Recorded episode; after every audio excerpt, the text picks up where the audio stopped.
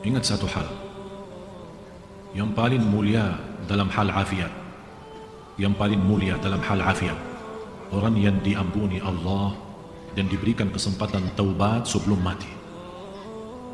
Yang paling tinggi dalam hal afiat Yang kita selalu kita mendengar doa Allahumma inni as'aluka al-afwa wal-a wal-afiyah itu Yang dimaksud afiat itu Orang diberikan oleh Allah kesempatan taubat sebelum menghadapi kematian.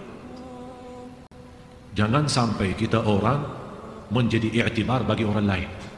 Itu buruk. Seburuk hamba Allah yang Allah jadikan i'tibar dan belajaran bagi orang lain. Artinya apa? Karena dia masih dosa maksiat. Allah celakaan dia dibanding orang lain. Berarti gara-gara dia orang lain kawannya sadar dan taubat. Berarti yang jadi korban di sini i'tibar siapa?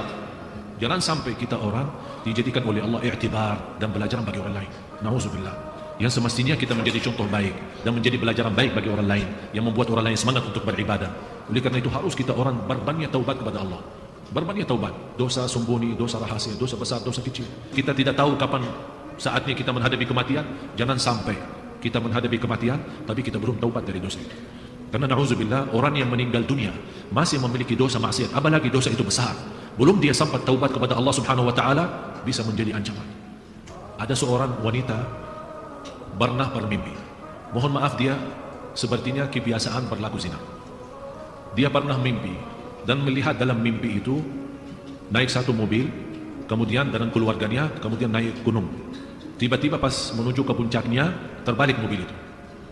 Terbalik dan tiba-tiba merasa habis dia terbalik, sepertinya pingsan. Begitu dia sadar malah dia melihat dirinya dalam kubur. Dan di situ dia melihat keluar api dari mulutnya dan keluar api dari dari bawah api yang keluar. Dia sepertinya kaget lewat mimpi itu dia bertanya. Saya sampaikan kepada ibu itu. Ibu saya tidak kenal anda dari mana dan tidak kenal siapa anda tapi ibu ittaqillah bertakwa kepada Allah karena kamu masih suka berbuat zina. Di situ dia nangis. Saya bilang segera bertaubat karena ini menjadi ancaman bagimu nanti disiksa kubur. Nauzubillah. Oleh karena itu Bapak Ibu semua kita punya dosa Allah maha tahu dosa kita besar maupun kecil. Bisa kita menutupi dosa kita dari orang, tapi kita lupa menutupi dosa kita dari Allah Subhanahu Wa Taala. Dan tidak akan bisa menutupi dosa kita. Dan disitulah maha kasih sayangnya Allah, berapapun dosa kita, selama kita masih beristighfar dan taubat nasuh akan Allah ampuni. Jangan sampai kita mati belum taubat. Rasulullah SAW bersabda, semua turunan anak Adam, semua anak Adam bersalah, berdosa. Tapi sebaik-baik antara yang salah, yang taubat nasuh. Taubat yang benar. Setiap malam kita taubat, lewat istighfar, Jangan sampai kita menjadi i'tibar bagi orang lain. Bisa kita lupa, tapi semua tertulis di kitab Allah, semua tertulis di buku amal, tidak ada yang bisa dilupakan oleh Allah Subhanahu wa taala. Oleh karena itu kita malu kalau kita menghadapi Allah masih ada dosa dan maksiat kita.